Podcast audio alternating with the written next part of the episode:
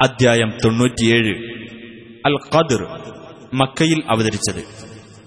ഖദർ എന്നാൽ നിർണയം എന്നാണ് അർത്ഥം.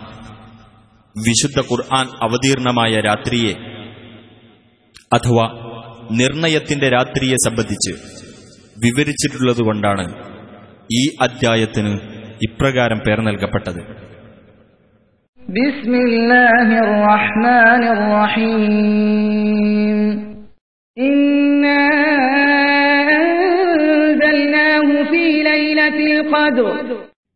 തീർച്ചയായും നാം ഈ ഖുർആാനിനെ നിർണയത്തിന്റെ രാത്രിയിൽ അവതരിപ്പിച്ചിരിക്കുന്നു.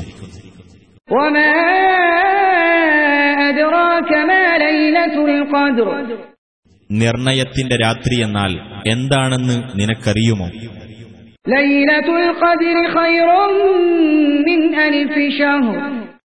നിർണയത്തിന്റെ രാത്രി ആയിരം മാസത്തേക്കാൾ ഉത്തമമാകുന്നു.